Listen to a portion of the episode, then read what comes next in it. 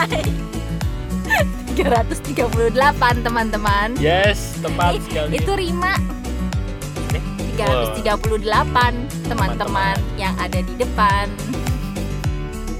Di depan handphone Di depan dong, nggak mungkin di belakang Iya. Eh, udah dengerin itu belum? Eh, musik 8D, pentatonic ya?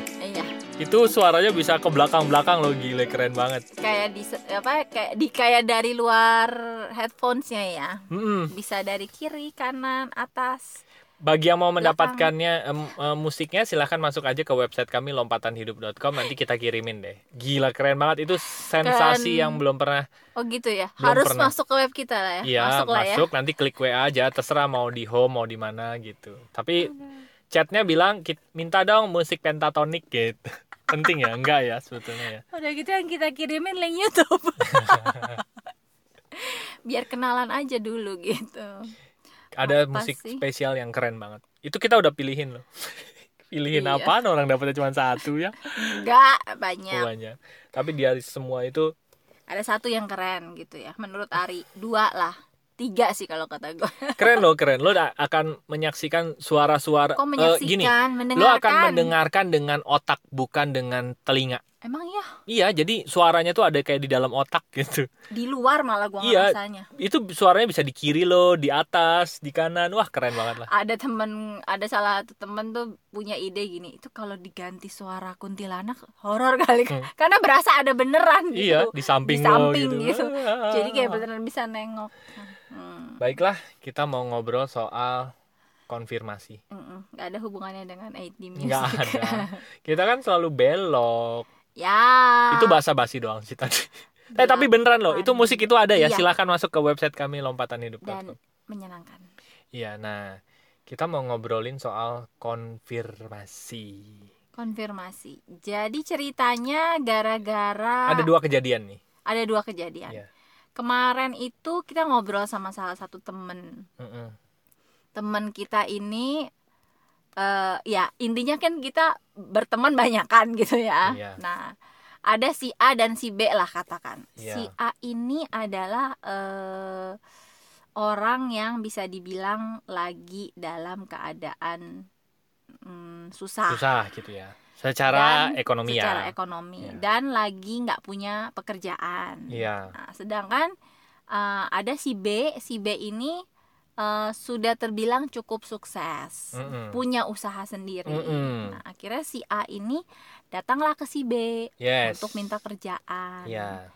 Tapi memang si A ini bisa dibilang dia sendiri bingung skillnya apa. Iya. Tapi dia bisalah buat jaga-jaga keamanan gitu. Iya. Nah, akhirnya dia ya kalau bisa mah kasihlah kerjaan posisi untuk keamanan gitu kan Mm-mm. ya oke lah gitu nah cuma si B-nya tuh bilang bahwa di tempatnya dia itu lagi nggak ada posisi yang kosong Mm-mm. posisi keamanan udah ada diisi Mm-mm. orang dan orangnya pun bisa dibilang orang sekitar gitu Mm-mm.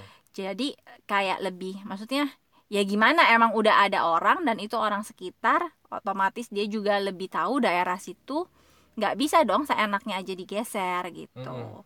cuma ya karena nggak enak ya akhirnya dia bilang ya udahlah nanti dikabarin kalau ada Mm-mm.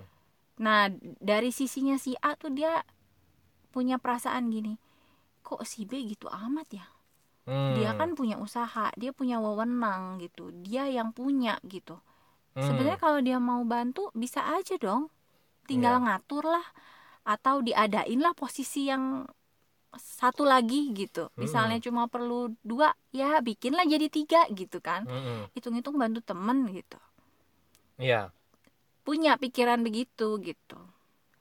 Cuma ya kan jatuhnya jadi dia punya perasaan gak enak sama si B gitu kan.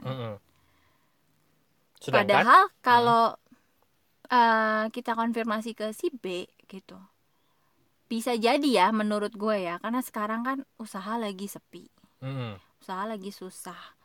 Hampir semua usaha itu kena efeknya. Mm-mm. Orderan turun, orderan ya malah bisa nggak ada dan hampir semua bidang kena gitu kan. Mm-mm. Dan gua ngebayangin iya ya, kita sebagai pengusaha tuh zaman hari-hari gini itu malah pengusaha yang kerja buat karyawan. Mm-mm. karena karyawan kan nggak mungkin nggak digaji. Emangnya karyawan mau tahu maaf ya keadaan lagi sepi. Nggak nggak bisa gitu. Lain kalau eh, kalau karyawan ya taunya pokoknya gua kerja gaji bulanan ada gitu kan. Dan gua Mm-mm. ngebayangin posisi pengusaha nggak gampang di hari-hari begini juga gitu. Benar. Ya walaupun semua juga nggak ada yang gampang gitu. Ya makanya semuanya tuh lagi sama-sama nggak enak Ya. sebenarnya gitu nah gue gue sempet nanya sempet ngomong sih sama Ari si A ini kepikiran nggak sih dia tuh nanya gitu ke B bahwa Hmm. dia nggak bisa pakai pola pikirnya sendiri terus langsung ngejudge bahwa si B ini nggak baik orangnya Iya. gitu Se- sebagai temen ah lu nggak oke lu gitu nggak bisa kayak gitu juga gitu Hmm. kan betul apa namanya sawang sinawang ya iya kita tuh sering kali ya kita tuh sering kali terjebak dengan dia sih enak dia sih nggak bisa ngerasain gue. Kita tuh sering ngelihat yang eh, orang apa? Kita yang paling nggak enak pokoknya gitu Iya, perasaannya. kalau gue jadi lo gue sih bisa gitu ya. Nah padahal kita kan itu ya sawang sinawang itu ya kita cuma bisa ngelihat sesuatu tuh dari luar aja. Kita tuh susah untuk ngelihat sesuatu tuh dari dalam gitu kita Iya. ngelihat orang lain enak ternyata ya belum tentu juga gitu. Orang lain ngelihat kita enak ya belum tentu juga gitu. Dan yang kita lihat kan ya tadi sawang sinawang itu gitu. Dan hari ini gue dapet eh, kejadian kedua yang mirip banget malah sama kali ya. Iya. Dan jadi intinya gue dia sendiri iya gue sendiri. jadi semalam tuh gue nulis Hmm. nulis satu tulisan yang eh, salah satu muatan emosinya dalam banget ya sa apa ya? Salah satu apa yang gue rasakan dari gue kecil tapi akhirnya baru bisa gue ungkapin sekarang lewat tulisan. Dan tulisan ini tuh gue bikinnya ber lama gitu berhari-hari. Karena kok kayaknya eh, banyak yang akhirnya keluar keluar keluar gitu kan. Dan salah satu tu- isi tulisan itu adalah gue cerita bahwa gue ngerasa bokap gue tuh dari dulu lebih sayang sama cici gue gitu. Hmm. karena gue ngelihat cici gue tuh beda banget sama gue gitu dia tuh Hmm. jadi waktu kecil tuh gue tuh lemah gitu ya sering sakit-sakitan gitu kan terus anak paling kecil terus Hmm. pembawaan gue kalem girly banget gitu kan Hmm. sedangkan eh, cici gue tuh kebalikannya dia tuh kelihatan tangguh gitu kuat terus Hmm. orangnya berani gitu jadi kayak kayaknya tuh gue ngelihat eh gue ngerasa karena papa gue tipenya orang fisik Hmm. tipenya tuh mirip sama cici gue gitu Hmm. sedangkan gue lebih mirip tipenya mama gitu Hmm. kalem diem gitu kan dulu sih dan jadi gue nulis bahwa gue tuh ngerasa dari dulu tuh gue nggak nggak pernah ngerasa disayang gitu I- Hmm. ibaratnya gitulah karena gue selalu ngerasa bokap gue tuh lebih sayang sama cici gue gitu Mm-mm. Dan pas gue share itu tulisan ke cici gue pagi ini lucunya cici gue malah ternyata bilang waktu kecil dia tuh malah sering iri sama gue. Hmm. dan gue hah? Kenapa? Gitu. Karena kan setelah gede ya kita akur-akur aja kita nggak pernah bahas masa kecil juga gitu ya. Mm-mm. sekarang hubungan gue sama dia enak banget gitu. Gue bersyukur lah punya saudara perempuan tuh enak gitu. Cuma memang kita nggak pernah bahas waktu kecil dulu gimana. Ternyata dia tuh iri sama gue gitu karena dia ngelihatnya gue tuh dimanja selalu dilindungi diperhatiin. Karena itu kondisi gue kan eh, apa sakit gitu kan. Dan ingin dimanja. Dan gue hah? Kok bisa sih dia iri sama gue? Padahal gue ngelihatnya cici gue tuh lebih berwarna hidupnya. Dia tuh waktu kecil bisa gitu pergi sama eh, anak-anak seumurannya keluar rumah ngelayap gitu ya. Kayaknya Hmm. seru gitu. Apa belajar naik sepeda manjat-manjat pohon. Kayaknya tuh banyak cerita gitu yang dilakuin cici gue waktu dia kecil gitu. Hmm. sedangkan gue nggak ada kesempatan itu gitu. Selain karena gue tadi sakit. dulu sakit terus gue lebih banyak ya udah karena gue kegiatan apa eh, karena fisiknya begitu otomatis ya gue dikerem lah di rumah. Kalau mau ya main-main yang di ruangan aja. Main boneka mewarnai baca buku. Kan kayaknya dan itu se, apa ya sebagian besar gue lakukan sendiri gitu. Hmm. karena kakak-kakak gue udah uh, umurnya pada udah pada gede gitu. Jadi gue selalu Hmm. ngerasa sendiri sering ngerasa sendiri waktu gue kecil. Hmm. nyokap di toko bokap kerja koko cici udah lain kegiatannya sama gue yang masih TK SD gitu kan jadi gue sering ngerasa sendiri dan apanya yang diiriin sih dari gue gitu Hmm. sedangkan gue ngeliat cici gue seru gitu hidupnya Mm-mm. Nah, cuma karena tadi akhirnya kita saling mengkonfirmasi bahwa oh, ternyata gue itu iri sama cici gue karena alasan A, B, C, cici gue iri sama gue karena alasan D, E, F gitu. Dan kita berdua sama sekali nggak pernah kepikiran gitu bahwa apa yang kita alami itu kok ternyata diinginkan gitu oleh yang lainnya Hmm. gitu. Padahal gue pengen yang kayak cici gue, malah cici gue ngerasa kok dia nggak diperhatiin kayak gue gitu. Jadi kayak iya ya, kita tuh sering banget yang tadi kata Ari bilang sawang sinawang. Kita selalu berpikir tempat kita tuh yang nggak enak. bener Terus kita ngelihatnya kok orang lain enak. Kalau gue jadi dia aja, gue bakal gue bisa gini gini, gue bakal gini gini. Tapi sebenarnya orang lain juga akan ngelihat sama ke kita. Kok Mm-mm. dia enak ya, dia gini gini gini. Dari sisi yang lain gitu. Mm-mm. Dan untungnya sih gue sama cici gue nggak punya perasaan gimana ya. Tapi ada kan yang antar saudara sampai gede tuh punya perasaan gak enak satu sama Betul. lain. karena sawang Karena sinawang itu Iya, dari kecil dia punya perasaan kenapa adik gue lebih dimanja. Sedangkan mungkin adiknya ngelihat kenapa kakak gue lebih diberi kebebasan. Terus akhirnya karena nggak pernah ngobrol, nggak pernah mengkonfirmasi eh, ya. eh, Bener. terus berasumsi dengan bahwa ih nggak adil ya, nggak adil gitu. Iya. Jadi kayak eh, lalu akhirnya- jadi identitas Mm-mm. Iya. Jadi sampai jadi gede kebenaran selalu ngerasa gue tuh bagian yang nggak adilnya aja gitu dapetnya Hmm. dan itu kan mempengaruhi banget ke hubungan gitu bener apalagi ke hubungan saudara betul hubungan temen begitu aja nggak enak apalagi sama saudara sendiri Bener. gitu makanya gue bilang sama Ari iya ya sebenarnya mungkin kalau kita belajar untuk terbuka Hmm.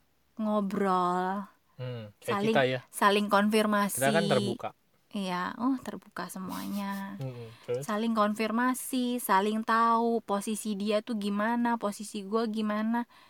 Mungkin akan ada banyak perasaan-perasaan nggak enak yang sebenarnya nggak perlu, yang bisa kita lepasin gitu. Mm-mm. betul tepat sekali jadi gue tuh eh tadi malam gue ngobrol sama Rusi gitu ya ngobrolnya cukup intens muatan emosinya gitu kan nah gue cuma pikir gini ya selama jantungku masih berdetak Ari tali. Ari Jadi- tali. gue cuma pikir gini ya bener ya selama ya bener selama jantung kita masih berdetak selama kita masih hidup di kehidupan yang sekarang ya tidak ada salahnya mengkonfirmasi apa yang ada di asumsi dalam pikiran kita gitu. Karena kalau waktunya di kehidupan kita sekarang sudah habis mungkin nanti akan ketemu di kehidupan yang akan datang dan malah diulang lagi gitu kan. Nah gue sih nggak nggak bahas yang kehidupan berulang ya terserah ya. Tapi poin gue adalah tapi poin gue tuh gini. Poin gue tuh gini. Pada saat kita punya eh, keberanian awalnya tuh perlu keberanian untuk mengkonfirmasi hal itu kita tuh membebaskan paling nggak diri kita dari prasangka Iya. dan itu plong banget bener-bener plong loh karena hidup dengan prasangka gitu ya dengan asumsi dengan apalagi prasangka itu menimbulkan emosi-emosi yang Iya. eh, ke mana-mana gitu ya tadi ada yang perasaan yang eh, tidak adil merasa tidak adil merasa, merasa jadi korban, jadi korban. Disakiti, iya itu apa ya? Terzolimi. ter iya merasa terzolimi. Perasaan-perasaan yang ditimbulkan tuh jadi banyak banget. Padahal sebetulnya semua perasaan itu bisa selesai bisa netral hanya dengan mengkonfirmasi. Gue Iya. merasa begini loh. Eh, benar. begini begini begini karena ini ini ini ini ini dulu gitu ya.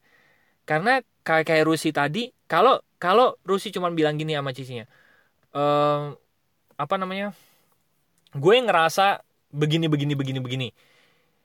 Tapi nggak dilanjutkan dengan karenanya karena waktu masih kecil gue begini begini begini begini. Nah karenanya itu tuh membuat orang jadi paham gitu. Oh alah dia merasa punya perasaan ini tuh gara-gara ini gitu.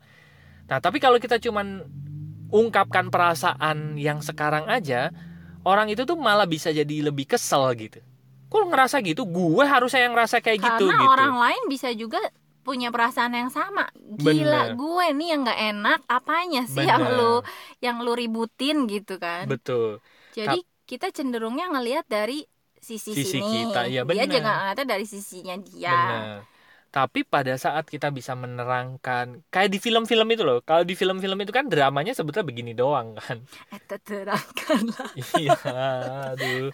Jadi di film-film itu yang kayak itu loh, eh, cerita hari ini apa? nanti kita cerita tentang hari Nah, ini nanti kita cerita tentang pasti hari kamu ini. nggak tahu nyingkatnya apa Iya, NKCTI. Bukan ya? Apa? NKCHTI. Bukan ya? Nanti kita nanti kita NKC THI. Iya. enggak CTI emang ada huruf I Aduh, maaf ya. Nah, jadi segala itu kan- HTI di itu kan juga sama. Mulai dari emosi yang tidak terungkap, akhirnya terjadi drama gitu, terjadi keributan gitu. Padahal pada mereka kalau misalnya kita semua itu mengungkapkan perasaan kita dan apalagi kita bisa mengungkapkan kita tuh bisa berperilaku seperti ini, kita punya perasaan seperti ini tuh karena masa kecil kita yang ini ini ini ini, ini loh gitu. Orang tuh jadi lebih ah, lebih memahami gitu. Setelah itu mungkin mereka akan curhat balik. Loh, kok gue juga ngalamin hal yang sama karena ini ini ini ini juga. Nah, kita juga jadi ngerasa memaklumi mereka gitu. Dan seketika itu semua prasangka hilang. iya semua prasangka tuh hilang. Apa ya? Ya langsung selesai gitu. karena sudah dikonfirmasi Bener. dan ya benar Yang banyak orang tidak melakukan konfirmasi karena tadi mungkin takut, mungkin nanti akan terpicu marah lebih lanjut. Tapi kalau kita mengkonfirmasinya dengan cara ini, eh, yang tadi gue ceritain, itu jadi damai loh, bener-bener damai gitu. Karena kita, kita sendiri sudah tahu kenapanya gitu. Nah, yang jadi ribut ma- makin gede itu karena kita sendiri nggak tahu gue ini berperilaku seperti apa. Makanya balik-balik lagi ujung-ujungnya kesadaran itu menyelesaikan banyak hal. Hmm, Banyak hal yang bisa diselesaikan sama kesadaran. iya. Bahkan dari kesadaran kita yang timbul itu bisa emosi orang lain sembuh juga loh. Karena kita sadar. Karena banyak orang kan kayak Rusi tadi cerita, aduh, eh, saya share tulisan ini gimana ya?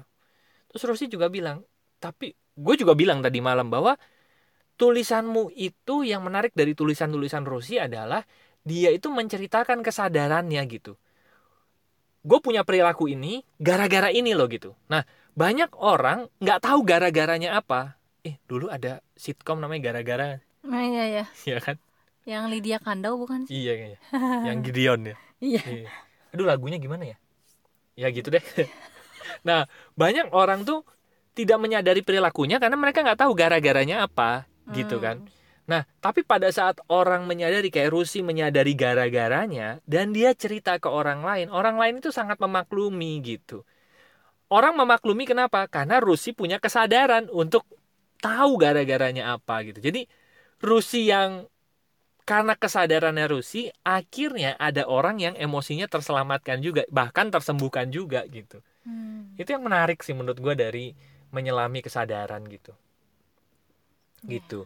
Dan akhirnya eh, bisa disampaikan eh, emosinya jadi rilis gitu kan. Jadi netral gitu.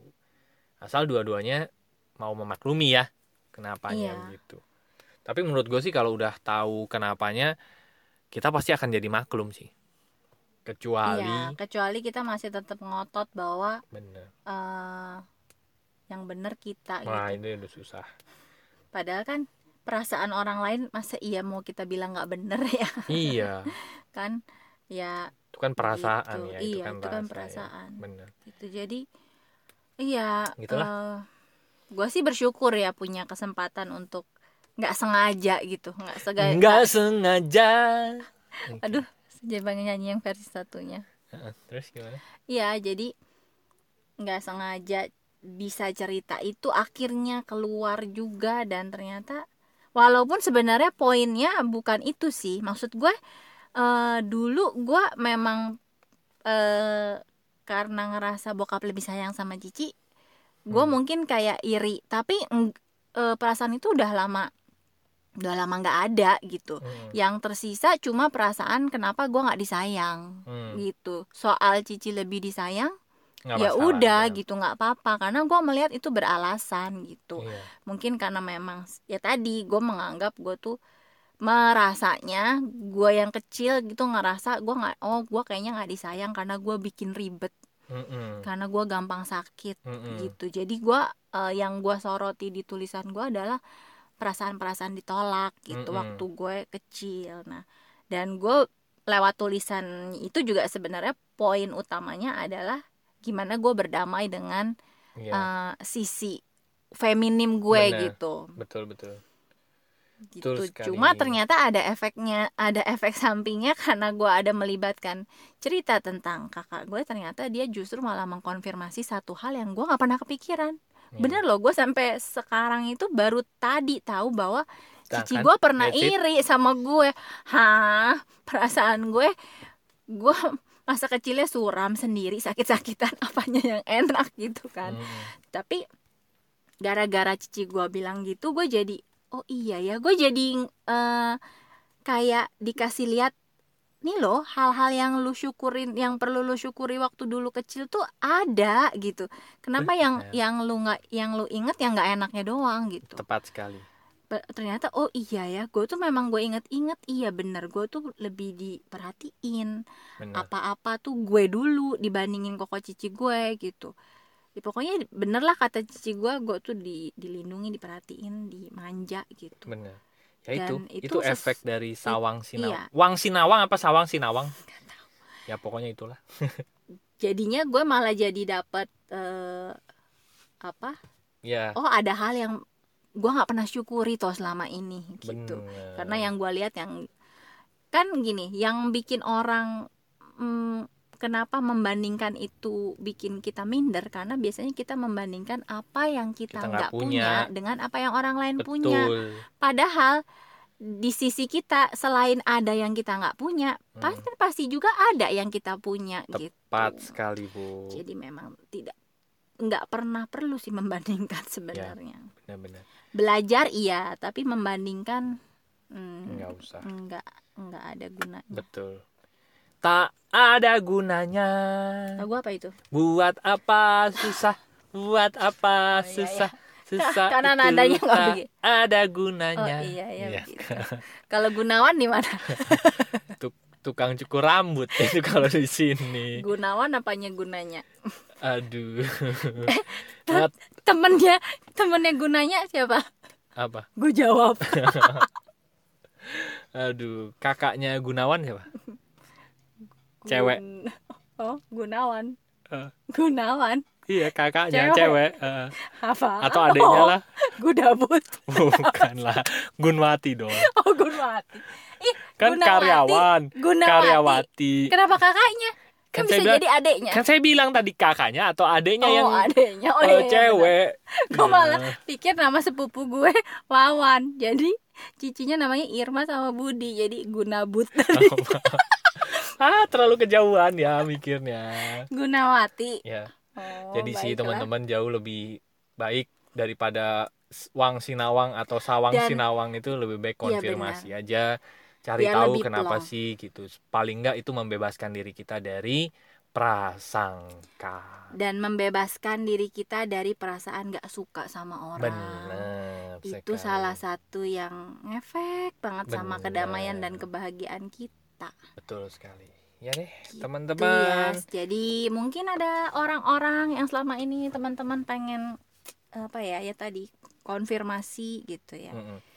Ujung-ujungnya buat kita kok buat Iya. kita untuk melepaskan diri kita dari seujon itu ya apa ya semua perasaan-perasaan itu deh gitu. Ujung-ujungnya untuk kedamaian kita sendiri, kebahagiaan kita sendiri. betul sekali Iya. gitu deh teman-teman oke deh baik teman-teman buat teman-teman yang masih ingin ngobrol bareng kami Silahkan masuk aja ke website kami yaitu lompatanhidup.com nanti ada tiga page di sana. Yang pertama ada home buat cicet, buat ngobrol, buat ya apa pun itulah. Silahkan masuk aja ke situ. Nanti ada tombol WA-nya. Kita akan ngobrol-ngobrol ya. Akan tersambung dengan WA kami. Yang kedua ada konseling dan event.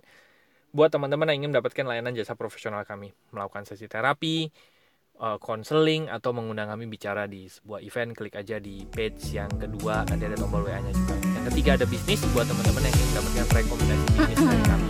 Kalian bisnis apa sih? Mau tahu dong bisnis kalian, mau bisnis bareng kalian. Terus ada program mentoringnya juga, silahkan masuk aja ke page yang bisnis, ada tombol nanti terhubung dengan WA kami. Oke, terima kasih teman-teman sudah mendengarkan em- episode emosi lagi. 338 Semoga bermanfaat dan sampai jumpa di episode berikutnya. Thank you, bye bye. See